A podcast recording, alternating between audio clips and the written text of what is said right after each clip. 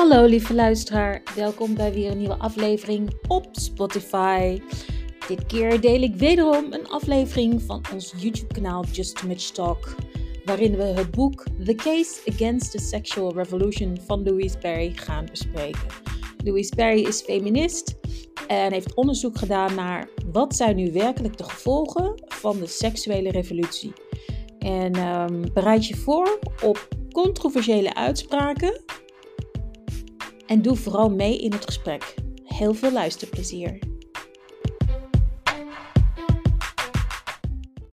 Hallo lieve kijkers en welkom bij weer een nieuwe podcast van Just Match Talk. En in deze aflevering, waarom koppels met twee inkomens alsnog slechter af zijn? Wat is er misgegaan bij de seksuele, seksuele revolutie?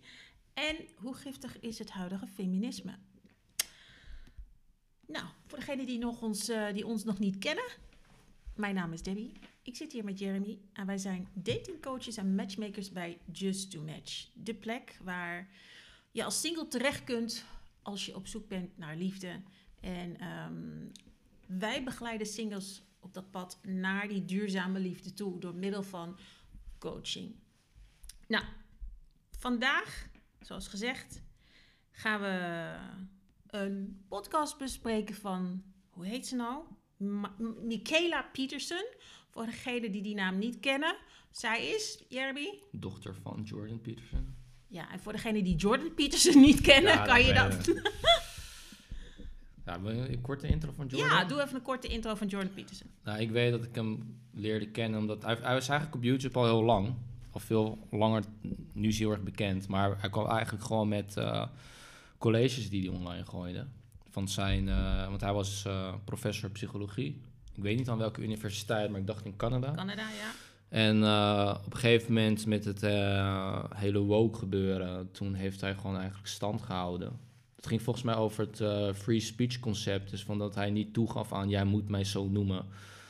En daar begon het eigenlijk dat hij, denk ik, namens bekendheid kreeg. Dat is wel echt toen hij viral ging. Ja. Uh, later heeft hij twee boeken geschreven nog. 12 Rules for Life en another 12, 10 Rules for Life, denk ik. Hij had in ieder geval twee boeken geschreven. Het nieuwste boek hebben we ook liggen.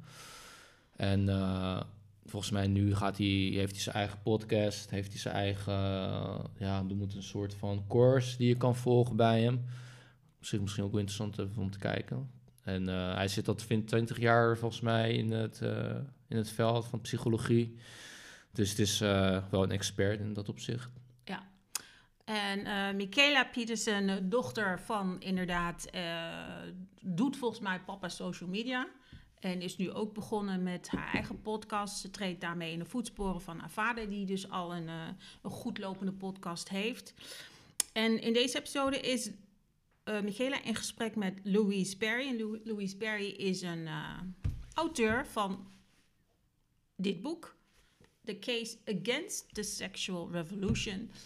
En ja, Louise is zelf feminist, is zelf journalist en is gaan onderzoeken wat de seksuele revolutie ons nu werkelijk heeft opgeleverd. Want we denken vaak dat we beter af zijn, maar de vraag is: is dat ook zo?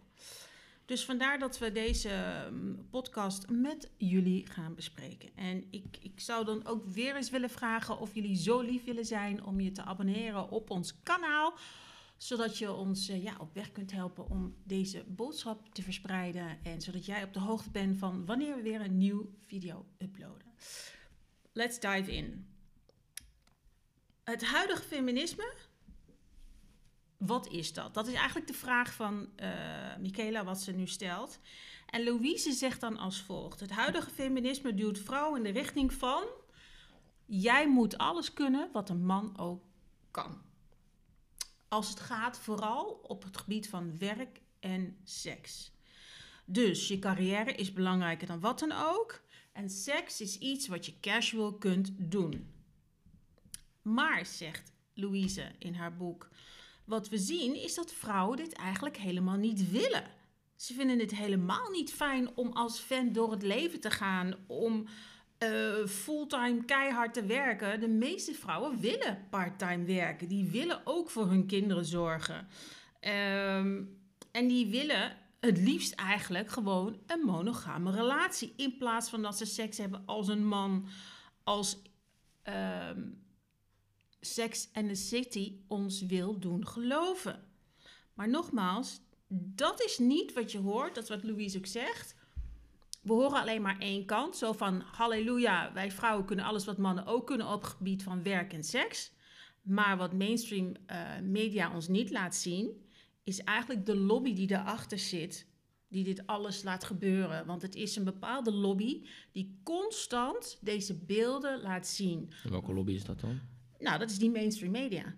Ja. Want op mainstream media krijgen we alleen maar films en series te zien als Sex and the City, waarin een halleluja wordt geprezen dat een vrouw net als een man kan zijn op het gebied van werk en seks. En de vraag is, en dat is waar Louise onderzoek naar heeft gedaan, is: worden vrouwen daar gelukkig van? Jeremy. Ja, mainstream media, een beetje uh, veel gebruikte term tegenwoordig en dat ze het heel vaak fout doen, om het even zo te stellen. Uh, wat ik wel grappig vond waar ze mee begon, was dat uh, Michaela Peterson vroeg aan haar: uh, kreeg je veel pushback? Omdat het is nog best wel een controversiële, controversiële titel. En dat kreeg ze eigenlijk niet. Dus dat vond ik op zich wel bijzonder. Ja, maar dat bevestigt dus wat ze dus net, wat ik dus zei, wat ze dus zei van. Um, er wordt ons een beeld voorgehouden dat vrouwen allemaal als een man willen zijn. Nou ja, dat is dus een beetje wat, ik, uh, wat we ook wel vaker in de podcast zeggen. Het is van, uh, hè, van, is het beeld wat we horen, is dat representatief voor de majority van mensen? En dat is de vraag. Ja. Dat, en dat blijft altijd heel lastig, want als je dan wat kritischer wil zijn, ze kan natuurlijk ook specifieke demografie hebben bezocht, waarin dat zo bleek dat het, die al misschien van zichzelf wat meer traditioneel zijn. Dus dat is lastig om dat echt uh, zo hard te zeggen. Maar ik denk wel dat inderdaad, als je kijkt. Laat ik het zo zeggen, misschien is het meer een anekdote. Niet echt iets wat. Misschien is het meetbaar, misschien weet iemand dit. Maar uh, uh, mijn vriendin en ik kijken nog wel eens gewoon Netflix. En dan. Zij kijkt de laatste tijd veel Korean stuff, zeg maar. Is eigenlijk altijd dat. Hè, dat traditionele romantiek. Hè? De, de, de man gedacht de vrouw aan, bla bla bla. Maar het is zeg maar nog heel oud, innocent, zeg maar. En als je dat vergelijkt met meer westerse producties, waarin echt altijd iets wokes moet zitten, heb je het veel minder, zeg maar. Ja. Dat is ook wel iets van wat ik ook denk is van, uh, misschien kunnen mensen daar ook onderzoek naar doen. Van, is er ook echt media- en entertainment verschil per land? Verandert dat? Ik weet wel inderdaad, in het Westen is het natuurlijk wel gewoon heel erg feministisch gedrukt. Of, of woke, is heel erg woke tegenwoordig. Um, en verder inderdaad, ze heeft het inderdaad over wat feminisme nu is. Ja, dat uh, blijf ik altijd een lastige discussie vinden. Is omdat je gewoon verschillende fases hebt. Of het nou initieel ooit goed bedoeld was, dat weet ik dan op een gegeven moment ook niet meer. Um, maar ik kan wel zeggen, of ik ben wel van mening dat... Uh, wat zij zegt van dat het nu zo extreem is, of in ieder geval het extreme krijgt de meeste aandacht, dat, daar, dat klopt wel, denk ik. Ja, dat wat aandacht krijgt, dat, dat, wordt, dat groeit. Alles wat je aandacht geeft, dat groeit. Um, en als je dus maar alleen maar één punt laat zien in de media, inderdaad, dan ga je dus denken dat het allemaal zo is. Ja. Het is precies als dat voorbeeld die jij altijd noemt van, uh, ja, ik ben elke dag in de sportschool, dus ik denk dat uh, ja, iedereen gezond is, want ik begeef mij altijd in de sportschool met allemaal gezonde mensen. Maar dan loop je weer naar buiten en dan zie je de realiteit van, oh fuck, het is eigenlijk helemaal niet zo gezond. Uh, ja, dus dat, daar moet je gewoon heel goed naar kijken. Kijk, en ik, ik zeg altijd van, laten we zeggen dat haar case, hè, even hypothetisch gezien, dat het maar voor 20% van de populatie zou gelden. Omdat iedereen al veel verder is uh, dan het traditionele. Is het nog steeds uh, voor jezelf uh, handig om te kijken van... oké, okay, zit ik dan in die 80 of in die 20%? Want uiteindelijk wil je het individu per... Je wil je, wij helpen mensen op individuele basis, in ja. principe ook. Dus ja, probeer altijd, zoals ik zeg, minimaal dingen van twee perspectieven te zien. En ik denk, wat ik wel persoonlijk denk, is als ik andere podcasten check, en dat is iets minder gestructureerd, hier is het echt één op één, maar dat je echt panels hebt van mensen, is dat mensen die dan misschien hè, zichzelf extreem hebben gefeminiseerd, dat die nu eigenlijk alles gaan victim blamen. Nou, het is allemaal, hun zijn de victim en iedereen is zeg maar de schuld. Om zomaar niet te denken van, lu- luister, misschien was dit toch niet zo goed. Nou, dat is waarom Milika dan ook vraagt van hoe is dat zover gekomen, hè? Dat we, ja, dat we dit dus wel allemaal, allemaal volgen. En dan zegt Louise, ja, als we kijken naar die tweede golf feministen, eh, daar zien we dus een stelletje onaangename, extreem slimme vrouwen, eh alpha-vrouwen, die de samenleving in die richting duwen die niet res- representatief is voor de gemiddelde vrouw. Daar heb je het weer. Dus deze vrouwen, die tweede golf, beschouwden het gezin als kwaad. Als zijnde, ehm, dat is ondergeschikt. Dat is die tweede golf van feminisme die is voortgekomen. Die, die vijandige golf, als het ware. En dan zegt ze, ja, die golf heeft er ook voor gezorgd dat er een blijf van mijn lijfhuis, lijfhuis kwam. Dus die heeft ook goede dingen gedaan. Maar deze golf drijft de vrouw meer in naar de kant van Sex and the City. Nou, dat, is, dat is makkelijker om te benoemen, dan weet iedereen waar we het over hebben. Ze zegt dan, het feministisch denken is ja, belangrijk geweest. Heeft, ons, heeft onze recente geschiedenis enorm eh, veranderd en gevormd. Maar dat komt allemaal neer op eh, secundaire materiële veranderingen. Dat is eh, waar we de afgelopen 50 jaar heel veel last van hebben. Ze zegt, als ik denk dat eh Phyllis Shapley zei dat, eh, als eerste zei dat de wasmachine meer deed voor om een vrouw te bevrijden dan feminisme, eh, dan, dan zien we dus dat handarbeid, dat was vroeger normaal. Hè? We, we deden veel met onze handen. Ja. We hadden geen techniek en et cetera. En ze zegt ook, we zijn van een handenarbeidmaatschappij naar een kennis- en een dienstverlenende maatschappij gegaan. En dat heeft ertoe geleid dat vrouwen van huiselijke sfeer naar de werksfeer zijn gegaan. Ja, ehm, check toevallig een andere podcast eh, van, volgens mij vanochtend had ik een stukje in ieder geval gezien. En daar hadden ze het inderdaad ook over. Van eh, handarbeid, om het zo maar te stellen. En eh, ik weet alleen niet of per se dat de issue is. Maar wat ik denk wel de issue is, is dat op een gegeven moment gewoon bepaald is van... ehm, we kunnen gewoon verdienen aan twee personen. Ja. En eh, wat misschien ook wel wat ik persoonlijk denk is van waarom per se... Hè, in, in, in bepaalde mate kan je zeggen dat het moderne leven is nu heel gunstig. En dat heeft in korte termijn denk je er heel makkelijk over. En het is allemaal simpel. Hè. Neem bijvoorbeeld van navigatie, is misschien een heel praktisch voorbeeld van ah, Google Maps het wel even. Maar in langere termijn, zeg maar, is dat je echt eigenlijk je brein actiever houdt. Dat je eerst echt de weg moet herkennen waar je rijdt, et cetera. Ehm, dat wordt wel minder. En hetzelfde met ook handarbeid. Ik ben van mening, en ik denk wel dat onderzoek dat kan bevestigen ook, is dat als je kijkt ehm, naar het overgewicht, obesitas, hart- en vaatziektes. Het zijn volgens mij relatief moderne ziektes. Ja. Dat weet ik niet 100% zeker, maar dat is wel iets wat ik dacht gelezen te hebben. Ehm, en voor de industriële revolutie was heel veel nog handarbeid.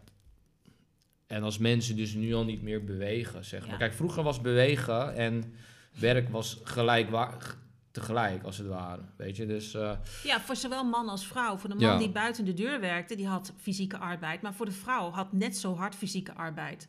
Want als Ja. je eh, bijvoorbeeld nu kijkt, ja, dan kom ik weer naar B&B voor Liefde. Daar zie je Bram in Zweden, die is zelfvoorzienend. Die heeft dus geen wasmachine, niks. Geeft geen niks, nada niks. En dan zie je dus, want je moet dus met je hand in dat teltje gaan lopen wrikken en duwen. En ehm, dat is dus wat de vrouw heel veel heeft gebracht. De moderne apparatuur. Dat heeft de vrouw vrijheid Kijk, is, ik zeg niet dat het slecht is, maar het is dan van hoe ga je dat, hè, waar het lichaam behoefte aan heeft. Dat is dus die fysieke arbeid Ja. eigenlijk. Want dat is waarom nu sportscholen bestaan. Dat is Ja. zeg maar een countermeasurement. Ja. Dat zou je dan kunnen zeggen van dat is iets wat je tegenover zou kunnen zeggen. Waarbij je vroeger dus alleen maar bewijs van acht uur aan in beweging was en nu halveer je die tijd. Dan zou je nu bewijs van die tijd moeten. Nou, niet heel veel. Nu zitten we acht uur achter een stoel op Ja, achter een dan- scherm. Ja, Dus we bewegen niet meer. ja Dus, niet, niet, dus, dus dat is echt wel een... eh, ja. een, een probleem. Maar om even terug te gaan naar het feminisme van nu, is, ik weet niet wie het heeft gezegd, maar eh, wat ik van heb onthouden is de feministen van nu. We willen net als mannen meer werken om meer geld te verdienen, zodat we meer kunnen uitgeven. Het draait dus niet meer om die oude beginwaarden, namelijk dat mannen en vrouwen gelijke rechten moeten hebben. Want gerecht, Ja. ge- gelijke rechten is fijn, hè? dat hoort ook zo. Ieder mens, man of vrouw, heeft recht op zorg, eten, onderdak, etc. Of je nou man of vrouw bent. Dat is feminisme, is dat zowel een vrouw als een man dezelfde rechten heeft. Maar nu, wat we nu zien, is de, het greed wordt gevoed. Want we willen nu als vrouw ook meer werken, zodat we meer uit kunnen geven, zodat we meer uit kunnen geven aan onszelf. Zodat we meer tassen kunnen kopen, meer vakantie kunnen gaan, ons huis meer kunnen inrichten, et cetera, et cetera, et cetera. En alles, dat alles vertroebelt gewoon dit hele, ja, Ja, dit heb ik niet zo bij mannen hoor. Ik weet niet of het. eh zelf, natuurlijk zal het ook wel mannen zo zijn. Maar ik heb echt het idee dat mannen veel, in de regel echt veel simpeler zijn. Ja. Die werken echt ook gewoon voor. Tuurlijk willen ze gewoon een goed huis. Maar ze zijn ook, nou ja, als je kijkt dat mannen nu een soort van achterlopen. Wat ze zeggen. Heel veel van die podcasten. Van ja, vrouwen zijn verder ontwikkeld, mannen niet. Misschien, maar het laat ook misschien deels weer zien, is dat mannen gewoon best wel snel content zijn met ook wat ze wel hebben. En dat ze, als ze iets kopen of willen, dan moet het wel een, een doel hebben voor hun. En hun naaste wat dat betreft. Ja. Ehm, ik, ik denk ook dat het te maken heeft met eh, het feit dat. Is maar een klein, het kleine percentage is succesvol. De Elon Musk van deze wereld. Dat is maar een klein percentage van de wereldbevolking. En dan heb je daaronder die hele grote middenklasse. En daaronder heb je dan nog de arme mensen onder ons. En die middenklasse, die ziet eh, dankzij social media uit naar die upper class. En daar, is- dat is het streven van de meeste mensen. En ook van vrouwen. Ja, maar het is ook dat mensen... Kijk, ik denk dat iedereen dat streven wel heeft. Als je aan iedereen vraagt van... Yo, wil je nu miljonair zijn, bla, bla, bla... dan zal iedereen wel op die knop klikken. Vandaag zei ook iemand, dat, dat vond ik dan echt onzin... eh Zo'n vrouw op een podcast van... Ja, maar you can't have it all. Dat is de message. En toen was een andere vrouw tegen van... Nee, het is misschien inderdaad die 1% die kan het allemaal hebben... maar de meeste mensen niet... Maar als jij ook als een, ja, als jij misschien nu contact hebt met, eh, met iemand, ook een coach, whatever, of mensen die je aanpraten van ja, maar je kan alles hebben. Of het nou media's, coaches of whatever, wie, dat, wie je aanpraat. Ja, dus ik, ik vind dat niet, eh, hoe noem je dat? Ik vind dat disingenuous. Ik weet even de Nederlandse. eh, niet oprecht, zeg Ja. maar. Hoe, dat is alleen maar naar de oren praten. Ja. Om jou een goed gevoel te geven, wat dus korte termijn is. Ehm, maar realistisch gezien moet je gewoon kijken naar... kan je beter met een econoom praten van... joh, hoe is de welvaart verdeeld? En misschien met een historicus over de welvaart. En dan kun je zeggen van, nou ja... het betekent niet dat je moet streven naar het beste... wat, jou, wat haalbaar is voor jou. Maar als je iedereen gaat zeggen van... het ligt niet aan jou en je kan het allemaal hebben... ja, dan vind je het gek dat mensen dan... eh, dat onrealistische beeld krijgen. En dan misschien op lange termijn nu is dat ze zwaar worden teleurgesteld. En Ja. eh, wat dat voor gevolgen heeft, dat weet je ook niet. Nee.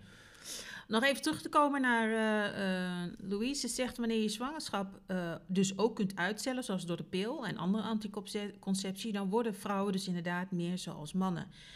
Ook op economisch vlak zijn ze productief.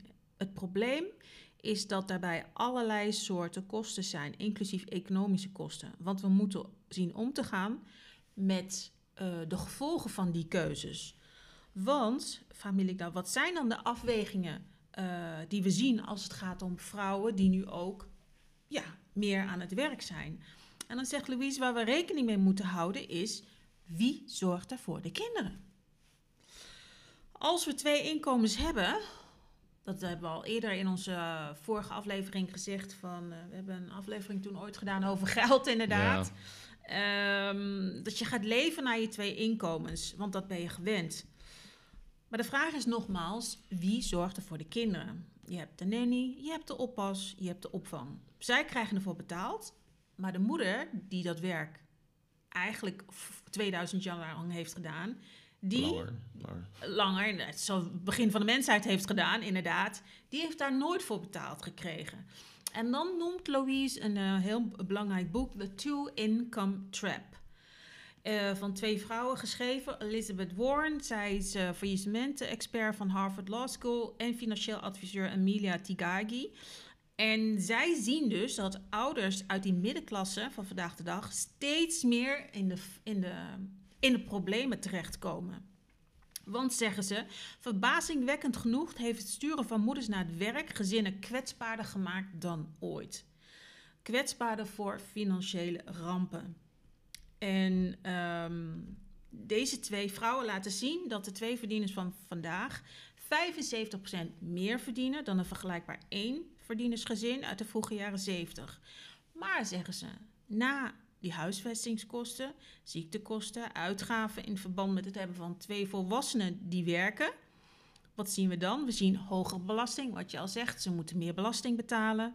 Ze moeten belasting betalen. Uh, de kinderopvang moet betaald worden. De tweede auto moet betaald worden. En daardoor heeft die tweeverdienersgezin juist minder vrij inkomen en minder geld om te sparen voor als er een crisis uitbreekt. En ze noemen nog iets superbelangrijks. Dat tweeverdienersgezin heeft een nog groter probleem, namelijk in het licht van de financiële crisis is er geen vangnet. Er is geen extra volwassene bereid en in staat om bij te springen tijdens calamiteiten. Dus stel je voor, je hebt een traditioneel gezin, noemen we het maar. Papa werkt, mama is thuis. Als papa wordt ontslagen of het kind is ziek, wie gaat er voor het kind zorgen? Um, of als oma hulp nodig heeft, wie gaat er voor oma zorgen? Dan is die moeder dus niet beschikbaar om van hulp te voorzien, maar ook om uh, inkomen te vervangen van papa. Want als pa wegvalt, of als pa ziek is of wat dan ook, dan kan zij dus altijd bijspringen door dan een baan te gaan zoeken en uh, tijdelijk bij te springen. Dus kortom zeggen zij, een thuisblijfmoeder is een alleskunner. Zij is als het ware een verzekering tegen financiële rampen. En zij zeggen dus ook, gezinnen moeten zich voorbereiden op een financiële ramp door een noodfonds voor zes maanden op te bouwen. Kortom, denk niet dat je automatisch beter af bent als je twee verdieners gezin bent. Reactie? Uh, nee, ik denk dat dit, uh, dat dit wel klopt. Ik denk uh, als je ook kijkt naar gewoon de woningmarkt, uh, al nu, daar zie je het probleem al. Als je kijkt naar hoeveel um, eigenlijk studieschuld mensen al moeten maken, zeg maar, willen ze. Uh, hè. Je kan natuurlijk thuis wonen, dat tegenwoordig zijn zelfs kamers niet meer echt te betalen. Dus je wordt daarin al gedwongen om thuis te blijven. Um, ja, maar hier ga je ook niet zo snel iets tegen doen. Want dit is wel echt iets wat je zou als collectief zou je echt iets moeten gaan proberen om zeg maar dit gedrag als het ware niet meer te, te steunen. Hè? Ik bedoel, het, het begint misschien al bij van, uh, volgens mij houden ze kijkcijfers wel bij, dus doordat ze programma's komen die bepaalde onderwerpen bevat, toch niet te gaan kijken. Misschien op YouTube dan wel, is misschien iets anders, maar gewoon bepaalde, ja, of je moet toch gaan kijken van hoe ga ik kleiner leven. Nou, dat is ook nog een ding. Ja. Um, maar goed, dan heb je weer natuurlijk, ja, het blijft een uitdaging. Je hebt, iedereen is zo'n bepaalde maatstaf gewend. Dat is al probleem 1. Iedereen denkt ook dat hij recht heeft op nog meer. Dat is probleem 2. Ja. Dan heb je een derde probleem, is van, nou ja, de vorige video, dat, dat mensen, maar de, de titel is vrouwen, maar ik denk mensen worden narcistischer. Dat is probleem 3. Um, ehm, ja, hoe eerlijk zijn mensen nog? En dan bedoel ik gewoon echt ook eerlijk naar hunzelf. Dus dat is probleem 4, omdat als, als steeds minder mensen het worden, dan uit iedereen zich zo naar elkaar. Dus dan krijg je ook een maatschappij wat meer on, of niet eerlijk is en meer misschien leugenachtig. En dat, nou ja, dat, dat zien we al eigenlijk in het bedrijfsleven. Als je daar wel eens. Uh, kijk maar naar de toeslagenaffaire, even voor Nederland, beste voorbeeld. Ja, ik denk dat we een politieke partij nodig hebben die uh, met deze belangen, die zich met deze belangen gaat bezighouden. Want ja, maar als je ook gewoon weet, dus van je moet, ja, kijk, ik ben geen politicus, geen econoom, whatever, dus weet je, ik ben er geen expert, maar wat ik wel denk is van, uiteindelijk betalen we met, met iedereen betaalt belasting. Ja, en hoeveel van het geld gaat nou echt heen naar wat het volk wil? Gewoon even gewoon die quote, zeg maar, gewoon denk daarover na. Is van het geld dat je elke keer betaalt, wat elk geld dat wordt ingenomen, het, geeft ook, het zorgt ook voor een zorgstelsel bijvoorbeeld, in Amerika bijvoorbeeld duur niet is. Dus ik zeg niet dat het geen positieve dingen meebrengt, maar hoeveel van het geld verdwijnt zomaar? Mondkapjesdeal, even voor mensen een reminder, ook gewoon zomaar verdwenen. En die mensen komen er gewoon mee weg. Dus ja.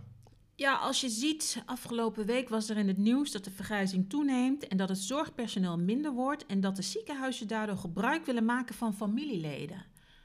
Dus dit is precies waar die vrouwen dus over schrijven. Maar ik las ook inderdaad dat ze bij de zorg, de hulp, dat ze dan maar mensen, volgens mij Indische mensen, maar niet te overkomen. En die werden eigenlijk gewoon kregen niet goed betaald, zeg maar. Het is gewoon een vorm van afpersing soort. Ik, het was op nu, dacht ik hoor. Daar was ook iets over. Dat ze dus gewoon... Omdat hier het werk niet meer wordt gedaan. Maar dan kunnen mensen zeggen van... Ja, uh, waarom doet, doet de Nederlander hetzelfde niet meer? Van ja, dat is een argument. Aan de andere kant zeg ik ook wel eens van... Ja, waarom zou de nieuwe generatie, om het zo maar zeggen, het wel doen... als ze gewoon zo bar weinig betaald krijgen voor Ze zien het nut niet. Ja, maar het is dus inderdaad, denk ik, super belangrijk dat we een partij krijgen die gaat kijken vanuit het belang van het gezin. En waar ben je als gezin eh, een, een partij die ervoor gaat zorgen van dat een traditioneel gezin kan rondkomen. En dat zou weer in ieder geval meer evenwicht weer brengen in de maatschappij. In de zin van een andere keuze, wat je zegt, is dat mensen op kleinere voet gaan leven. Want dat is wat we zien, hè? de mens leeft op de grote voet. We gaan schulden aan.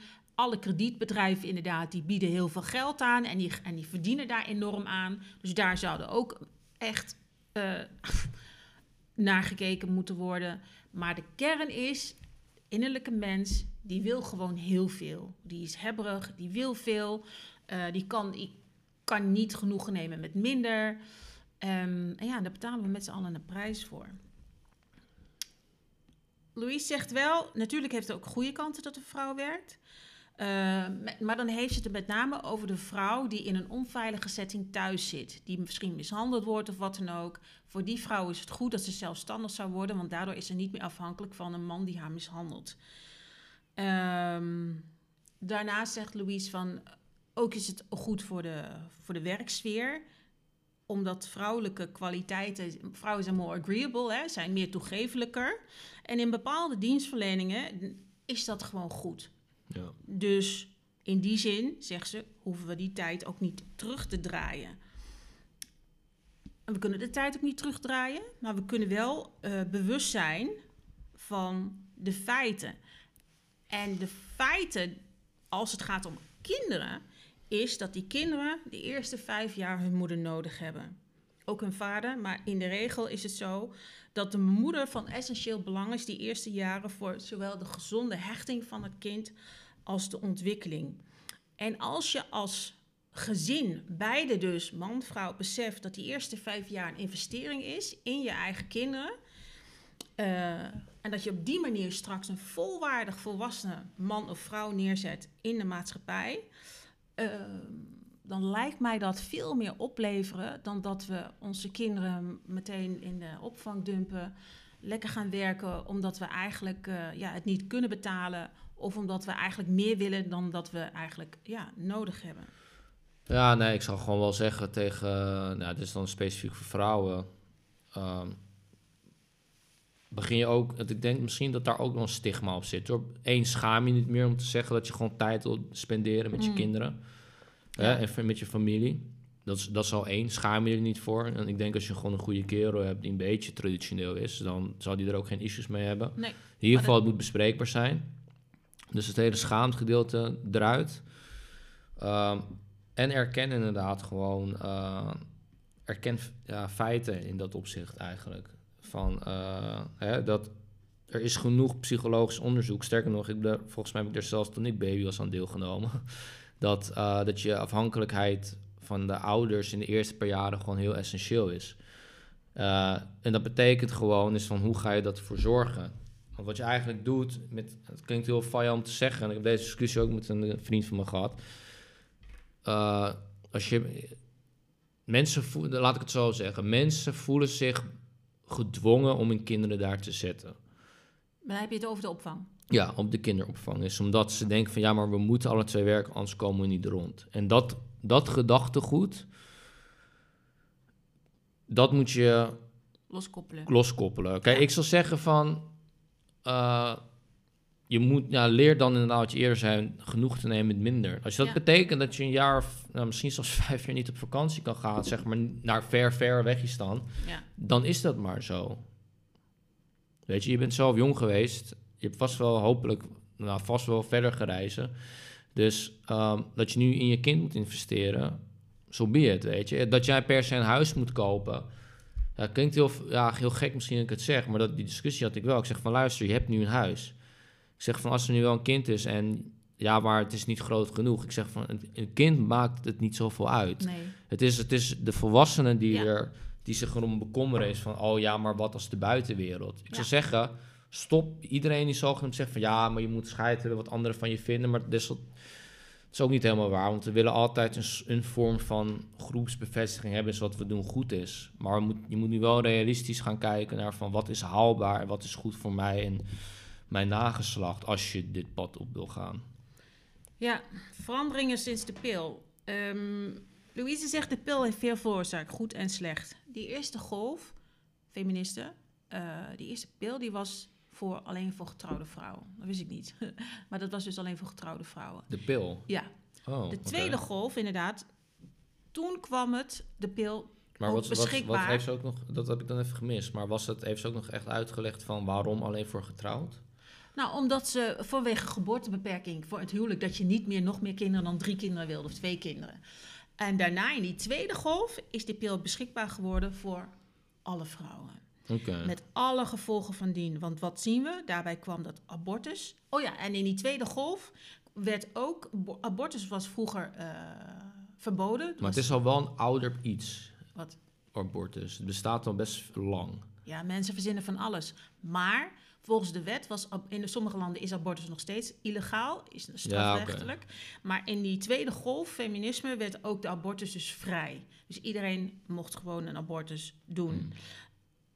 Wat we daarna zien, zei ze, dat waren de shotgun marriages. Dat zeggen, een shotgun marriage, dat is een huwelijk, da- dat is een moedje. Vroeger in de jaren 70, als je toen zwanger was, in de jaren 60, 70, dan moest je trouwen van ja, want ik ben zwanger. Dat Oh, zijn ja. de moedjeshuwelijken, wat, eh, wat toen eh, zijn ontstaan. Van daaruit, zegt ze, zien we dat huwelijken zijn gaan dalen, dalen, dalen, dalen. En uiteindelijk zien we het fenomeen single mothers alleen maar door die anticonceptiepil. Nu zou ik wel zeggen van, eh, laat ik het zo zeggen, het is een hele sterke correlatie. Er zijn dus denk ik wel echt meerdere factoren die nog meer een rol meespelen natuurlijk. Ehm, maar ik denk wel dat het gewoon een sterke correlatie is. Ja, toen de sociale instellingen die vroeger bestonden om de vruchtbaarheid te reguleren, zoals het huwelijk, toen het huwelijk is weggevallen, als gevolg ook eh, van de introductie van de pil. Wat zie je? Toen werd eh, zwangerschap, moederschap een biologische keuze voor vrouwen. En voor vaders werd het, voor mannen werd het vaderschap een sociale keuze. En wat ze nu zegt is superbelangrijk. Want ze zegt, en het werd sociaal aanvaardbaar voor mannen om weg te lopen bij hun kinderen. En dat is wat we. Vroeger was dat niet in vragen, lieve mensen. Vroeger, voor de pil, hadden we dit niet, dit gedrag niet. Ja, zegt ze, we hadden het wel, maar bij enkelingen. En nu is het normaal. Ja, normaal. Het wordt, het is, eh, en dat is gewoon meer waarschijnlijk wat ze dan bedoelt. Je ziet het voordat mensen vragen maar ik denk dat ze, hoe ze het heeft onderzocht, is van dat ze gewoon heeft gekeken in vanaf de jaren 60, misschien 50, 40 zelfs, tot nu. Is in, in welke mate is het single moederschap toegenomen, zeg maar. Precies. En dat, dat is dan wat, ze- hoe ze het heeft. eh, Ja. ja, ze zegt deze deadbeat father. Dat, is die, de, dat zijn de mannen die eh, kinderen verwekken. En voor de rest eh, niet naar ze omkijken, dus niet betalen, et cetera. Die zijn nu volledig aanvaard in deze moderne eh, cultuur. En daarom zegt ze, zijn vrouwen vaak slechter af. Zeker in financiële zin, maar ook sociaal-technisch. Eh, want alleenstaande moeders hebben inderdaad minder te besteden. En ze zijn er ook nog eens minder aantrekkelijk voor mannen op de datingmarkt, bij wijze van spreken. En ze zegt dus ook, met die komst van de pil, er is maar één manier en maar één winnaar eh, met die pil, zegt ze. En dat is niet de vrouw. En zeker niet het kind. Uh, en daarom eindigt ze het boek uit. Daarom eindigt ze het boek ook met het hoofdstuk waarom het huwelijk goed is voor een vrouw en voor een kind. En ook uiteindelijk voor een man, maar ze gaat even uit van het perspectief man en kind. Want, nou ja, dat is ook gewoon hè, evolutionair gezien is het. Um, kijk, het huwelijk vroeger ook al eens kunnen mensen zeggen van ja, maar het is weer uit praktisch. Nou, laten we zeggen, het is nog steeds praktisch, want het is een vorm van commitment wat je aflegt. Of afstelt naar je vrouw van luister, oké, ik zorg voor jou en dingen, dingen. En dan heb je het kind en dan is zeg maar iedereen in de regel veilig. En natuurlijk gaan mensen dan weer zeggen van ja, maar wat van de slechte dingen? Ja, die, die heb je altijd. Um, maar inderdaad, dat je als, in principe kun je nu als man, als je niet getrouwd bent, altijd weglopen. Ja. Nu is het wel zo um, dat volgens mij in de bepaalde staten, volgens mij kunnen ze, kunnen ze wel een soort iets doen, hoor, dat ze alimentatie nog kunnen achterhalen. Want tegenwoordig zijn dingen wel. Ja. Maar in de regel, hè, als jij gewoon uh, in het buitenland zit en je, doet, en gaat gewoon, je dipt gewoon, ja, dan heb je als man het voordeel. Ja, kijk maar naar de cijfers van ongehuwde vrouwen en dan met name ook in de lagere kringen. Hè. Uh, het, is, het number is huge. Het huwelijk is een onderdrukking, hè, zeggen de feminisme. Het huwelijk is een instelling waar je beide een belofte doet. Ik, ik zeg maar even overnieuw. De feministen zeggen het huwelijk is een onderdrukking. Maar wat zegt Louise? Louise zegt nee, het huwelijk is een instelling waarin je beide een belofte doet en je beide verplicht bent om die belofte na te komen. Dus ja, je vrijheid is beperkt. En er zijn inderdaad dingen die je wat minder kunt doen. Maar dat is uh, wat erbij hoort als je een gezin gaat stichten. Nou, dat is toch vrij logisch. Het feit van dat je een gezin sticht en er komen kinderen ter wereld, betekent dat jij een verantwoordelijkheid draagt voor dat kind. Ja. Dus je moet sowieso iets opgeven. Ja. Uh, verder, in principe, ja, ik wil niet het helemaal zo vergelijken, maar ook als je nu werkt, je sluit een contract. Je Ja. sluit in elk, elk opzicht, sluit je, of het nou bewust of onderbewust is, een contract af. En je moet bepaalde dingen opgeven ervoor. Of het nou voor werk is, of het nou voor bepaalde vriendschap is, waar mensen denken van voor vriendschappen. Ja, luister, niet iedereen is hetzelfde. Jij moet je tijd opzeggen, hij moet zijn tijd. Dus je, geeft, je levert altijd iets in. Het hele idee van dat, dat je niks hoeft in te leveren, dat het slaat nergens op. Nee. Plus het feit van dat een huwelijk zogenaamd slecht voor je zou zijn. Ik snap deels wel hoe het met uh, hoe, wat, wat feministen zelf hebben veroorzaakt trouwens, is dat mannen nu veel minder in huwelijken willen. Volgens mij had Better Bachelor had daar een keer een video over gemaakt. Van dat ja, mannen die hebben niet meer zo'n zin in een huwelijk. Of überhaupt in daten niet meer. Is omdat vrouwen hun eisen zijn gewoon doorgeslagen. Je- niks is goed genoeg meer. Dus het is niet. Het is net zoals bij alles in het leven. Is van als je een goed contract hebt, maar je ook een contract hebt met iemand of een partij die je hebt onderzocht en je weet van die heeft het beste ook met mij voor, dan is er in principe helemaal niks aan de hand. Want zo kan je het altijd omdraaien. Wat zij nu doen is van ze kijken naar een slecht huwelijk waar waarschijnlijk abuse is geweest en zeggen zie je, het is slecht. En dat is het probleem van iedereen, nou niet iedereen, maar van veel mensen nu, is van we kijken naar één voorbeeld en zeggen van zie je, het is slecht. Alleen maar omdat het jouw wereldbeeld slash visie gewoon ehm, eh, als het ware bevestigt. Jij hoeft geen verantwoordelijkheid te nemen. Uh, en je, kan altijd het slachtoffer uithangen. Ja. Louise zegt, hè, het huwelijk maakt dat je wettelijk, sociaal en als je geestelijk bent, geestelijk samengebonden bent. En dat is, geldt voor zowel man als vrouw. En dat heb je ook nodig. Want nogmaals, wat je nodig hebt om te floreren is orde en structuur. En dat is uh, hoe we als mens nogmaals floreren, orde en structuur, zekerheid. Maar als je bedenkt dat dat vanaf het begin van de schepping is het zo geweest dat man en vrouw gelijkwaardig waren, elkaar nodig hadden en beide een eigen rol hadden. Dat is duizenden jaren zo geweest. Maar nu, met de komst van de pil, de seksuele revolutie, secularisatie en internet, die combinatie, fast forward, Ik snap, ik snap het gewoon niet hoor. Ik ja, misschien rant ik hier te veel over. Maar gewoon het concept van dat, dat een man-vrouw verschillend is, maar daar gaan we zo over praten. En dat we onze eigen rollen hebben. Hier nogmaals, dat, iedereen speelt een rol in iets. Of als je naar je werk kijkt, iedereen heeft rollen. Maar ik zal haast zeggen, zelfs in je eigen vriendschapsdynamiek, ga Ja. het maar langs bij je vrienden. Wie leidt de groep? Wie is de entertainer? Wie regelt de dingen? Ja. In mijn groep kan ik echt wel allemaal aanwijzen wie wie is namelijk. Ja. Weet je, dus iedereen heeft een rol en dat, daar, daar is niks mis mee. Nee. Dus nogmaals, fast forward, wat Louise mooi heeft aangetoond. Ehm, in plaats van structuur, zekerheid, zijn we overgegaan in ja, eigenlijk utter chaos. eh, met de. Nou goed, daar gaan we niet over. Voordat ik weer andere dingen ga zeggen. Wat ze ook zegt is ehm, de nieuwe wetenschap. En, daar maakt ze zich ook zorgen over. Eh, Dat de, de F- Frankenstein eh eh, gaande zijn eigenlijk, waar wij niks van weten in de zin van dat onderzoekers, wetenschappers bezig zijn om te kijken hoe je baby's buiten hun baarmoeder kunt laten groeien en laten ontwikkelen. Ja, dat is bizar als je bedenkt hoe ver deze elite groep artsen, wetenschappers gaan. Nou ja, kijk, is nogmaals, voordat je er verder gaat. Kijk, dit is tweeledig. Zoals ik altijd zeg, met heel veel, alles is tweeledig. Mensen, onthoud het maar als je met mij gaat praten. Maar kijk, voor mensen, stel je voor je een traditioneel gezin, om het zo maar te stellen, en die vrouw heeft complicaties, zal zo'n technologie echt waarschijnlijk geweldig zijn voor zo iemand. Is ja, waarom? Is omdat je toch nog je kind ter wereld kan brengen. En want het verlies is gewoon, daar wil je niet eens over nadenken. Aan de andere kant heb je weer het, het, het zakelijk leven en het geldleven. En dat kan weer gepart, eh, ja, particulier iets worden, waardoor het weer als een middel wordt gebruikt ehm, van women can have it all, zeg maar. Dus van, oh, dan gaan we zogenaamd, dat zegt ze later ook, zaadjes invriezen, bla bla bla. Je kunt het allemaal hybride, je kunt het allemaal buiten het lichaam doen. Jij hebt nergens last van.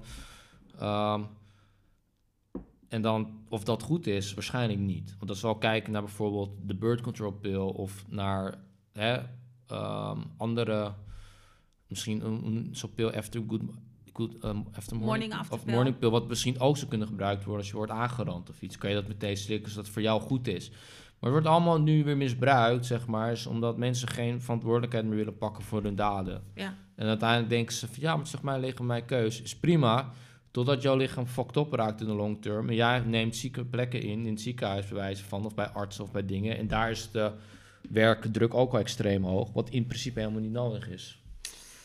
Nee, eh, Louise eh, praat echt wel over inderdaad dat de wetenschap eigenlijk dingen doet die, waar je van je je nog moet afvragen, eh, hoe goed is dat voor ons mensen? En wat je zegt, alles heeft twee kanten. Ehm, dus als ik vandaag de dag geen, eh, geen kind kan krijgen en ik kan via IVF wel een kind krijgen, dan ben je hartstikke blij. Ik ken een koppel. Maar, en dat is wat Louise ook zegt, eh, als jij het gaat, brui- gaat gebruiken als zijnde, ik wil mijn zwangerschap de komende jaren uitstellen, want ik wil eerst nog werken en carrière maken. Ik vries mijn eitjes wel in. Of, nou, er zijn duizend scenario's die we nu kunnen bedenken waarvoor, waarom het misbruikt gaat worden en wordt, ja, wordt misbruikt, deze technieken. En dat is waar Louise eh, voor wil waarschuwen. En dan zegt me Michaela ook, het is zo narcistisch. Dat het lijkt alsof we slim genoeg zijn ehm, dat we alles maar zelf kunnen. En het is een, een narcistische manier van denken. En dan zegt Louise, ja, kun je je voorstellen dat een pasgeboren kind nog nooit de hartslag van haar moeder heeft gehoord? Want dat is waar ze dus nu mee bezig zijn. Nou ja, maar dat, dit, dit is, daarom is het ook, dat is weer een- de andere kant, waarom het dus zo gevaarlijk potentieel is. Is omdat je, als je al ziet hoe benodigend is dat je als moeder eigenlijk constant aanwezig bent bij het kind. Ja, Wat Michaela zelf later ook zegt, toen zij een kind kreeg, gingen er ook andere senses kwamen in haar. Dat ze, Ja. Vroeger was ze liefst door alles heen, daarna niet meer. Ja. Alertheid. Ja, die dingen leer je dan misschien niet meer aan. Ik weet niet of het zo is, hè, maar dat zou hypothetisch dan nog kunnen. Dat, dat gewoon, zeg maar, ons, ja, als je je nageslacht niet meer zelf op laat groeien, zeg Mhm. maar, dus in de buik, ja, het bevalling, alle, gewoon Ja. hoe het natuurlijk gaat. Ja. wie zegt dat die connectie die je met je kind hebt er al niet is? Nee, dan? dat is er niet. Dat is er niet. Dat Daarom. kun je wetenschappelijk eh, bewijzen. Als je kijkt naar wat er vrijkomt bij de bevalling aan oestrogeen, aan hormonen, oxytocine, et cetera. Dat maakt dat je als moeder, als je kind al door de bevalling, door je vagina heen gaat, dan worden al die stoffen losgelaten, waardoor jij als vrouw van je kind gaat houden. Dus denk er maar eens aan dat als je kind in een, in een, in een schaaltje wordt opgewekt en, ah nou goed, never mind. Wat zijn de verschillen tussen man en vrouw, is wat ze vraagt. En dan zegt Louise, wat ik zo bijzonder vind, is dat we steeds meer te weten komen over de verschillen tussen man en vrouw. En daardoor, ehm, of nee, wat ze zegt is, het is zo bijzonder dat de transbeweging eigenlijk gelijk opgaat met de kennis die we hebben over de verschillen tussen man en vrouw. Want ze zegt, de verschillen zijn overduidelijk. Namelijk, een vrouw kan zwanger worden, een man niet. Ehm, ook als je kijkt naar sportprestaties, zie je duidelijke verschillen. Ze zegt, mensen die dit ontkennen hebben waarschijnlijk zelf nooit op hoog niveau gesport. Maar ook als het gaat om het immuunsysteem. Mannen sterven sneller dan vrouwen, maar vrouwen hebben meer auto-immuunziekten. In de wetenschap en medicatie wordt nu eindelijk aanpassingen gedaan. Want vrouwen zijn anders dan mannen. Het is wel zo inderdaad. Dat zie je ook in supplementen trouwens nu meer. Dat als je dan zo'n multivitamine voor man en vrouw, want een man heeft meer dit nodig, maar een vrouw heeft meer dat nodig. Dat is, dat is wel, dat is, dit is wel een belangrijk punt waar, waarin feminisme belangrijk hoort te zijn. Namelijk dat afgelopen eh 100 jaar is er onderzoek gedaan op medisch gebied, vooral op mannen. Ehm, en we komen er nu achter dat een mannenlijf anders is dan een vrouwenlijf. Nou, dat is niet, en niet alleen dat, hè. Dus Ik sterker nog, ik had zo'n discussie met een, eh, of niet een discussie, maar een gesprek met een eh, goede vriend van me erover.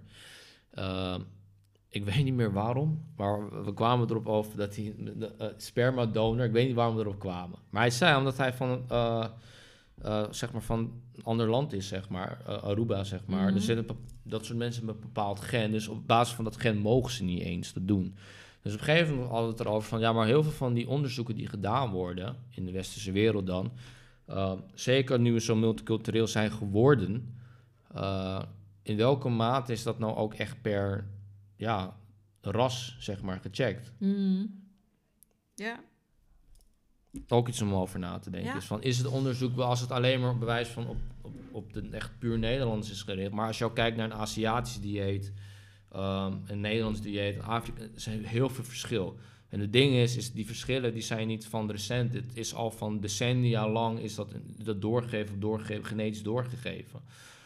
Dus dat is echt wel belangrijk om eigenlijk ook naar te kijken.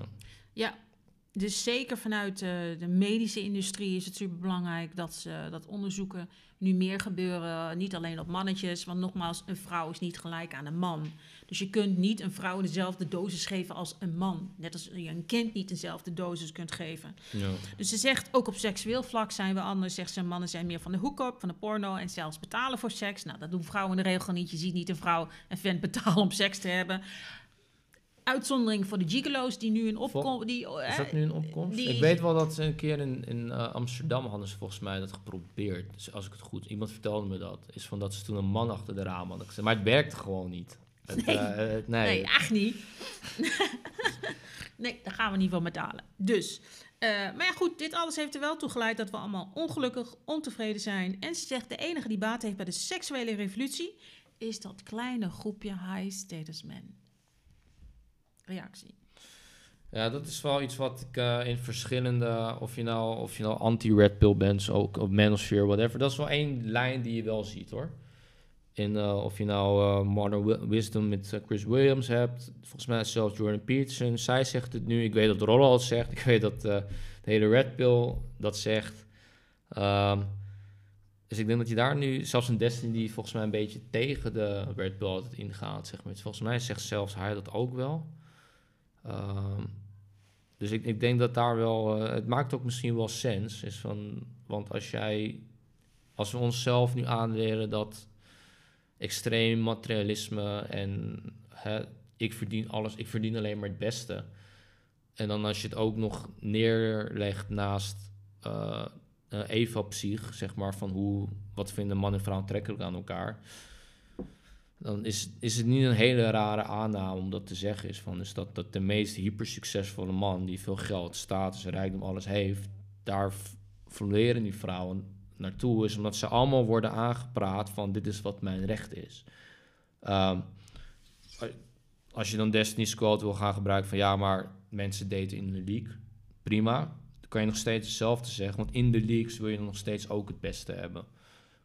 En als je dat steeds meer, nou ja, je kan ook nog beweren. Ik weet niet toen hoeveel het voorkomt, maar nou ja, uh, Instagram is wel, is wel leuk, wat ze altijd zeggen in de Red Pills, van is de grootste dating app. Want daarin gooi je alles wat je zogenaamd hebt. En dan krijg je berichtjes van hey, of je stuurt berichtjes. Dus uh, ik denk dat die uh, aanname op zijn minst, of die hypothese, dat een selectief groepje mannen met de meeste, hè, de high value, high status men, die heeft daar wel baat bij, ja, omdat die, ja, die krijgt ook, zeg maar, alle vrouwen. Ja, ja. Michaela zegt, en hebben vrouwen dan helemaal geen baat bij de seksuele revolutie?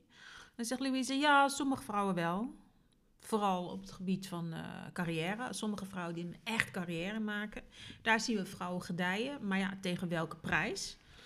En dat, dat komt, klopt inderdaad. Want we zien dat, uh, hoe lullig het ook is, hè, hoe hoger de vrouw uh, in functie, hoe meer opleiding, hoe minder aantrekkelijk ze wordt voor een man.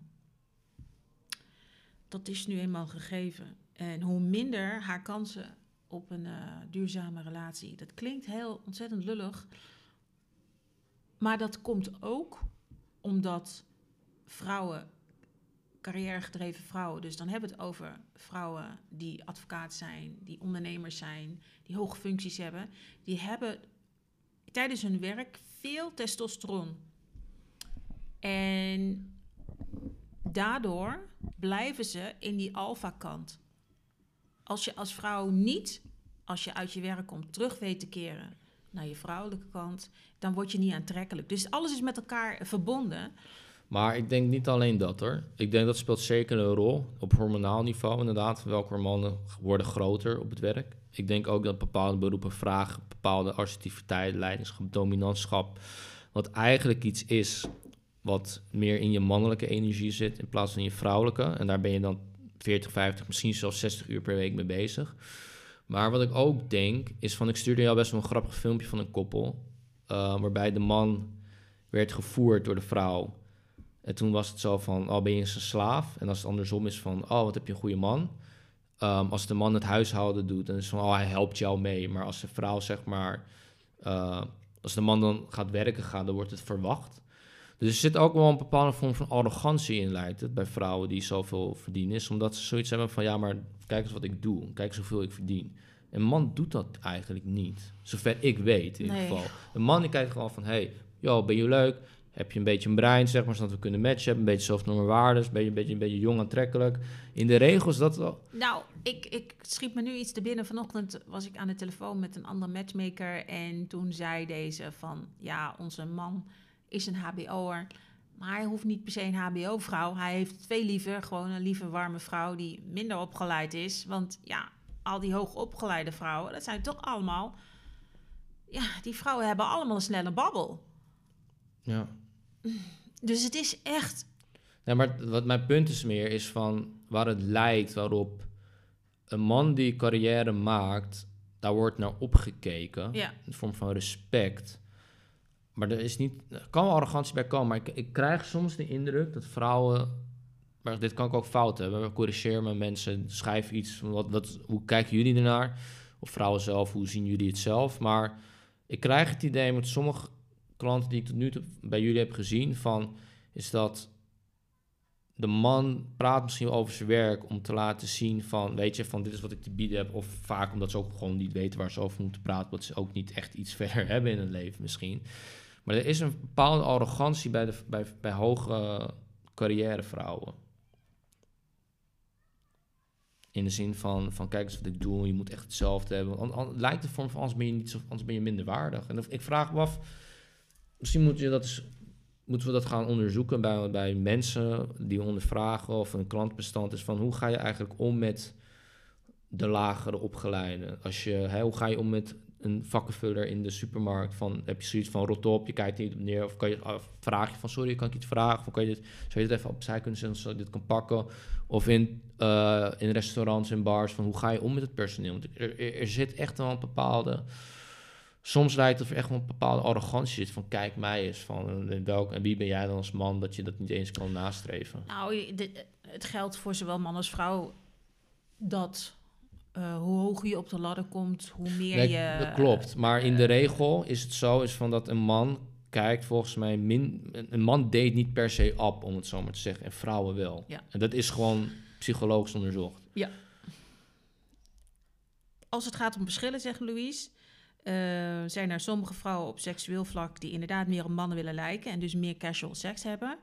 Maar zegt ze, het feit is dat als vrouwen dit doen, dat vrouwen eh, meer risico lopen. Dus het, het is voor een vrouw gewoon niet slim om zoals een man te zijn als het gaat om casual seks. Want een vrouw wordt ongewild zwanger, ze loopt risico om vermoord, om vermoord te worden. Want een man kan een vrouw's keel dichtknijpen, andersom kan je dat niet als vrouw bij een man. En ze is dood. Snap je? Ehm, dat zijn allemaal dingen waar niet over gesproken wordt. Nu is dat wel denk ik een wat extremer voorbeeld. Maar Dat, dat klopt, maar het is wel een gegeven. Dus als jij ja, je als in, in, vrouw... de, in de lijn met, dan moet je dat wel, want dat heb je een beetje overgeslagen. Maar ze heeft het over dat we op cellulair niveau anders zijn. En dat Ja. betekent dus dat de man in zijn bovenlichaam gewoon zoveel significant sterker is Ja. dan de vrouw. Ja. Eh, Ja. ja, met dat in met dat In je, hindsight, a- zeg maar. in je achterhoofd, inderdaad, is het nogmaals, als je als vrouw wil seks hebben als een man, dat kan hè, maar het komt met een prijs en het komt met veel meer risico's. Wees je daar bewust van. Dat is wat Louise eigenlijk wil zeggen. Ja. Eh, ze beschrijft twee soorten mannen in haar boek. Ze zegt de man van nu wordt gestimuleerd om zoveel mogelijk casual seks te hebben. Dat is één man. Dat is wat mainstream media inderdaad ons pusht. De andere man is de man die uit is op een duurzame relatie waarin hij zich voorbereidt om kinderen te krijgen. Eh, sommige mannen neigen meer naar een andere kant dan de ander. Maar het is vaak cultuur die bepaalt welke kant een man opgaat. Dus ze zegt, als jij alleen maar content te zien krijgt van vrije seks, dan ga je automatisch daar naartoe bewegen. En dat is wat wij bedoelen, hè, lieve kijkers, met eh, het gevaar van mainstream media. Weet wat je ziet. Als jij eh, constant op Netflix, HBO en al die soort dingen, die, Maar ja. die films en die series gaat kijken, waarin de man alleen maar casual seks heeft, alleen maar de pooier is, alleen maar die rol, die films gaat zien en die series, dan denk jij als man dus van, oh ja, oh, misschien moet ik ook zo zijn. Ja. Nee, maar ik denk ook eens van dat er toch... Dat wordt, als je dat alleen maar bekijkt, het is meer een bewust slash onbewust proces. Kijk, ik heb zoiets van, als je er echt over gaat nadenken... van, hé, hey, hoe realistisch is dit? Ehm, is dit een bepaald stigma of een bepaald beeld of een bepaalde... hoe noem je dat nou niet? Ik kan- ik kom niet op het woord. Maar propaganda wat ze willen Mhm. opdragen, zeg maar. Maar dat doen mensen niet. Mensen kijken, oh, het is leuk, mensen kijken. Er is heel weinig bewustzijn met hoe jij je dag eigenlijk invult. Ja. Dus en dan, ja, en dan wordt het onderbewust. En dan, ja, maar dat, goed, dat geldt met alles. Als je iets constant maar blijft doen, dan wordt dat. Het wordt zelfs, het wordt normaal, maar het- je gaat ook steeds een grotere rush waarschijnlijk ook nog erbij zoeken. En dan Ja. wordt het op een gegeven moment gewoon naast normaal, wordt ook nog echt zwaar ongezond. Ja. Ja, Louise gaat zo ver als dat ze zegt dat de IVF en eh, al dat eh, ijsjes invriezen, ze zegt dat is gewoon oplichterij. En daarin zegt ze ook van ja, ze snapt als je moeilijk zwanger kunt worden, dan kan het eh, een ding zijn. Maar tegenwoordig ehm, wordt het gebruikt simpelweg om geld te verdienen. Nou, ik denk, want daar, daar kunnen we misschien, hoef je niet zo heel ver op in te gaan, maar misschien is het voor ons wel goed om daar even wat meer. om- ik geloof haar, haar punt nog steeds, en het is echt niet de eerste keer dat ik het hoor. Maar inderdaad, ehm, dit moet echt gewoon meer aan het licht komen. Ja. Is van dat mensen die, vrouwen, mannen, vrouwen die kijken of geven het door, is van dat hele IVF gebeuren is op papier een heel leuk iets, is omdat, en zeg ik het heel lullig, omdat jij hebt besloten van ik wil laten kinderen. En Ja, je, dat is niet de EVF, dat is je, je eitjes invriezen. Dat is Oh. voor die vrouwen. oh, dat was, oh, Want zij zegt inderdaad, in wat Silicon IVF? Valley, IVF Ik had- is ik kan, niet ik kan moeilijk zwanger worden en ik heb hulp nodig. Oh, Dus dan ga je als koppel samen er naartoe.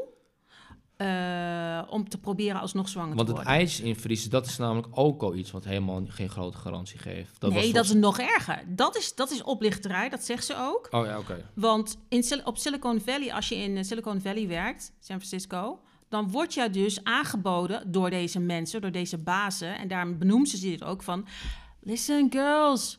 Je kan je eitjes laten invriezen, je kan nu carrière maken. Het is een van de perks die die meiden wordt aangeboden. En daarom zegt zij, waarschuwt zij van dat is oplichterij.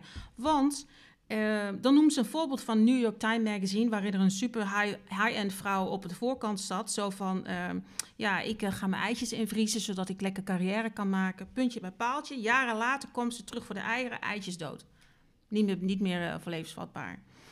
Dus, en nogmaals, dan moet ik weer denken aan die video van Better Bachelor... waarin hij Jennifer Aniston eh, neemt als voorbeeld. Jennifer Aniston, we kennen haar allemaal van Friends... die voor haar carrière ging, die haar eitjes heeft ingevroren... en het is niet gelukt. En ze heeft spijt als haar op de hoofd... dat ze nooit kinderen heeft kunnen krijgen. Dus trap er niet in. Trap er niet in, zegt, zegt Louise ook. Nee, maar dat is ook dat is toch gewoon iets wat. Dit, dit, zoals ze zegt, dit is gewoon scam. Ja, het is Weet gewoon je, je, scam. je kan niet zeggen. Kijk, dit, waarom ik het scam noem, mensen, is omdat het gewoon meer is van. De failure rate is gewoon te hoog dan dat het succesvol is. Kijk, ik zal zeggen, luister, als het 10% fout kan gaan, zou ik nog zoiets hebben van, eh, maar als het 10% waarschijnlijk- goed gaat...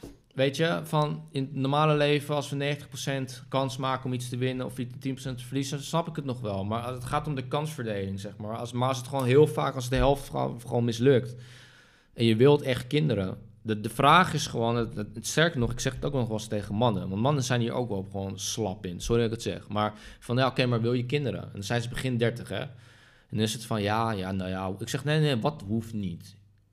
Eén, het is niet aantrekkelijk als je niet eens weet wat je wil voor een vrouw. En twee, als je het wel wilt, dan moet je anders gaan daten. En dat Ja. betekent dat er nu, of je moet jonger gaan daten, moet je ook nog maar aankunnen van dat je omgeving misschien kritiek op je krijgt.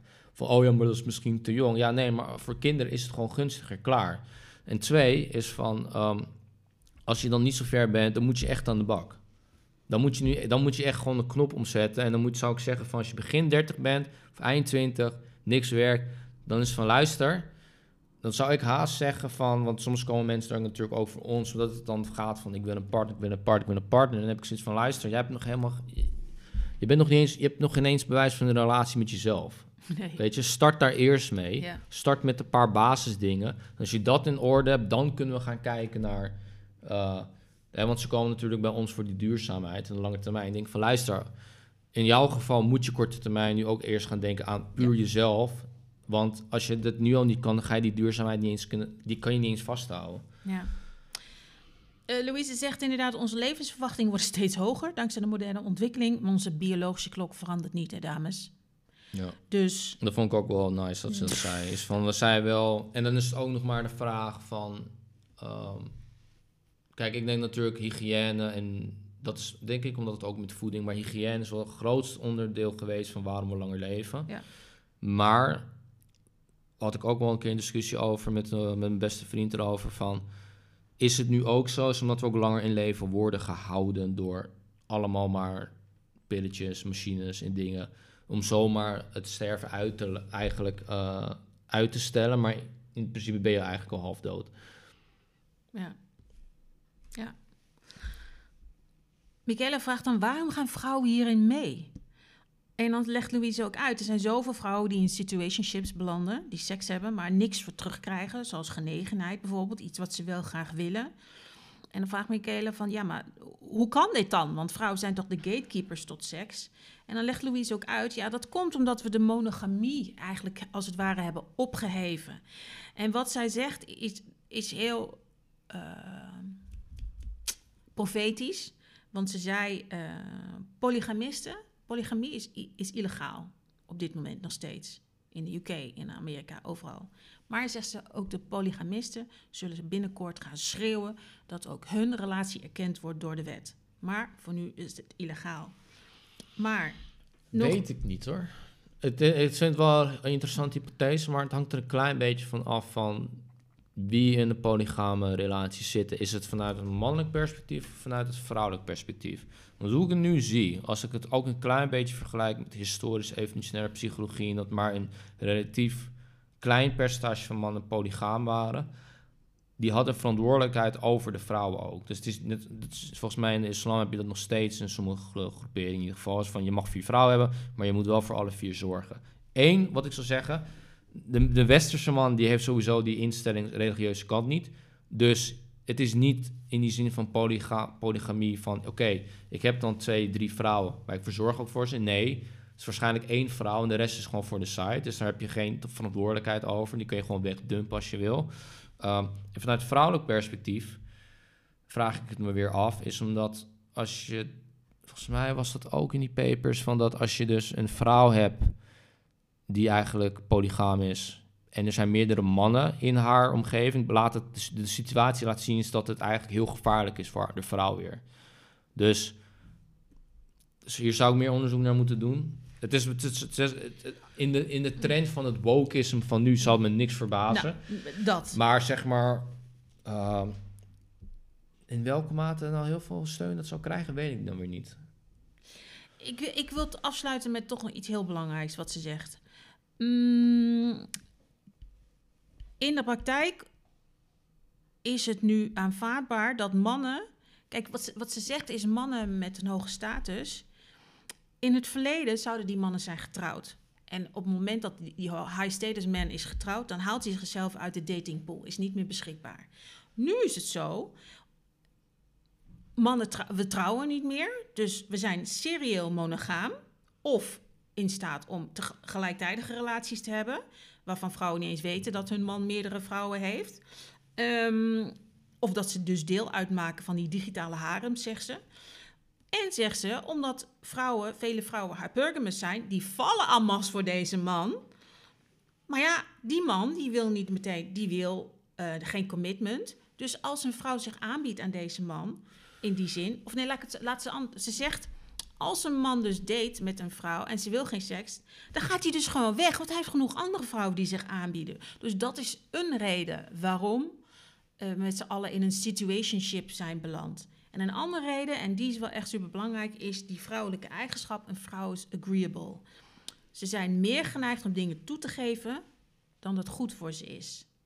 Ze zegt, vroeger had je geen one-night stands, je had geen seks voor het huwelijk. Als je toen op date ging, dan wist je zowel als man als vrouw, er komt geen seks. Jij wist dat als man, ik wist dat als vrouw. Nu is het de omgekeerde wereld. Nu, als je nu nee zegt, dan ben je eigenlijk raar. Ja. Dan doe je eigenlijk niet mee. En dan noemt ze, sorry, maar dan noemt ze dus dat voorbeeld van die acteur die met een vrouw op date gaat. Ze belanden bij hem thuis. Hij verwacht seks. Zij wilde het eigenlijk niet. Zij zegt: Ik heb dat aangegeven. Maar uh, ze hebben toch seks gehad. Technisch gezien is het geen verkrachting, legt Louise uit. Maar mentaal gezien wel, want eigenlijk wilden ze het niet. Dus wettelijk gezien nee, maar als het een gentleman was geweest, had hij niet gedaan. Had hij haar niet gepusht. Um, en ik wil graag aanvullen met voor de mannen onder ons hoe een vrouw in elkaar zit, hoe een mens in elkaar zit. Omdat dit speelt heel veel bij de vrouwen van nu. Namelijk, een vrouw bestaat uit lichaam, ziel en geest. En een vrouw, als een vrouw een man leuk vindt, dan wil haar lichaam wil seks met die man. Maar ze moet haar hart beschermen. En haar hoofd weet dat, dus haar hoofd zegt nee. Maar omdat de vrouw agreeable is, gaat ze dan toch maar geven. Zo van, nou ja, weet je, terwijl ze het eigenlijk niet wil. Ja, maar wacht even. Ik vind het iets te, dit vind ik iets te makkelijk door de, te kort door de bocht. In de zin van, kijk, ik weet natuurlijk niet de hele situatie. Maar hij zegt, ze zegt van technisch gezien is het dus niet hè, uh, grape. Uh, maar in het mentale aspect wel. Kijk, dan heb ik wel zoiets van. Um, in het kader ook van dat verhaal hypergamous zijn, dat ze waarschijnlijk wil ze die man wel. Gewoon al is het zijn status, al is het zijn look, al is het zijn welvaart. Er is een reden waarom ze die man eigenlijk wil. Alleen het andere component is, wilt hij ook mij? Dat is, dat is, de, dat is de afweging die vrouwen sinds beginnertijden moeten maken. Wil hij mij investeren? Ik wil hem, maar wil hij ook in mij investeren? Dus dat is op punt 1. Um, het tweede punt is, kijk, nee is nee, maar het feit van dat jij gewoon mee... Kijk, je, je, dit, sorry, maar ik, ik vind het een beetje lastig. Want je leeft nu in een moderne tijd. Ja? Dus je zegt al net zelf van er wordt van uitgegaan dat eigenlijk na de eerste date wordt er al meteen gebald. Dus wat ga je doen? Je gaat, ten, je gaat sowieso niet mee naar zijn huis. Het feit van dat dat al is gebeurd, sorry dat ik het zeg, en dan kunnen mensen me voor haten, maar dat is haar verantwoordelijkheid, klaar. Dat, heeft, dat, dat laat al indirect zien, is dat ze wel nee, wil. dat snap ik. Nu is het natuurlijk, kijk, luister, nu is het wel zo, kan je nog wel argumenteren van, ehm, als de man een gentleman is, zeg maar, ehm, dan pusht hij niet. Maar dat is weer ook zoiets van hoe, en dat is ook waarom jij bijvoorbeeld zegt van heb geen seks voor commitment, of uh, geen ja, seks voor commitment. Ehm, kijk goed naar, hè, ga niet je gevoelens achterna. Dit is wel weer het stukje van wees rationeel in plaats van emotioneel. Ja. Maar, komt ook weer bij kijken, is van dit is ook van hoe vrouwen elkaar beïnvloeden weer. Van, ehm, heb je wel iets gedaan? Oh, goed zo. Heb je niks gedaan? Oh, maar je moet... Dus daarom heb ik Ja. gezegd, dus zo'n uitspraak, super lastig. En hier kom ik echt wel wat meer op voor de man. Want er zijn genoeg mannen die hierdoor gewoon eh, in de teringzooi gaan. Nee, inclusief eh, met die wet. ja, en daarom ja. moet je dit soort uitspraken zijn gewoon heel... Moet je heel genuanceerd brengen. Ja. En zij Ja. ook, vind ik. Want er zijn genoeg voorbeelden van dat... eh, Nee, nogmaals, dat is, dat is een andere aflevering inderdaad. Van wanneer is het verkrachting en waar? Wie, wie is er verantwoordelijk? Het enige wat ik wel wil zeggen is dat...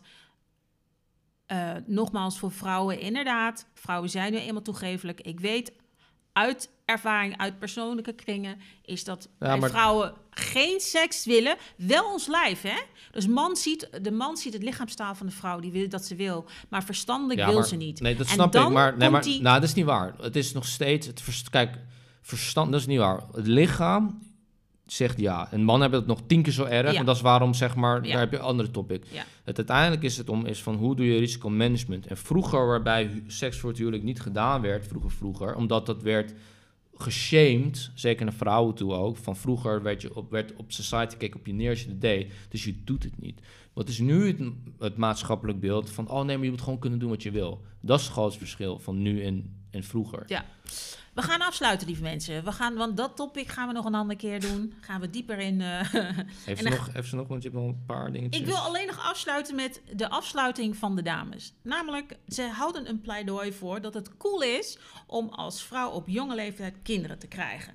Net zoals het cool is om als man voor een duurzame relatie te gaan. En dat vond ik eigenlijk wel mooi, eerlijk gezegd. Want beide dames zijn nog jong. Volgens mij eind 20, begin 30. Ze hebben beide relatief jong dus een kind gekregen. En beide, of eh, in ieder geval, eh, Michaela krijgt dan een opmerking van... Jeetje, eh, je vergooit je kind als je jong eh, op leeftijd kinderen krijgt. Dus, ehm, Jeremy, heb jij nog een laatste reactie voor onze kijkers? Ehm, nee, ik, ik denk op zich vind ik het ook wel een nice statement wat ze maken. Want uiteindelijk is het nu een klein beetje in de tijd van nu van wat eh, cool is misschien een beetje ouderwets, dat woord, maar goed. Maar wat is cool, wat is trendy, wat is hip, whatever. Ehm, ik zou zeggen, sta gewoon meer achter wat, wat jij echt vindt. Hè? Dus als zij al aangeeft dat zij blijkbaar toch meer mensen haar steun geven dan niet. Laat toch zien is van, hè, ehm, geloven mensen eigenlijk wel dingen? Net zoals met het hele woke gebeuren. Zeg je het maar, of als wij wel eens doorvragen naar dingen, zeg je het maar omdat het maatschappelijk wordt gezegd en er zijn eigenlijk maar een praatpop of een, eh, noem je dat? Een echo van Ja. wat er wordt gezegd, maar ga ga je net ietsje dieper, dan merk je toch van, nee, maar eigenlijk vind ik het toch anders. Durf het gewoon te ownen. Ehm, zeker als het aankomt op gewoon biologische feiten met van het betreft hebben van kinderen. Met de psychologische kennis van de belangrijkheid van ouders met kinderen. Durf dat ook te ownen. Ehm, voordat je gaat zoeken naar een, eh, een op, nou, gaat opzoeken naar van moet mijn kind maar gaan dumpen of iets. Kijk eerst naar wat mogelijk is in jouw eigen leven. Hè? Schakel familie in. Hè? Je hebt oma's en opa's, tantes.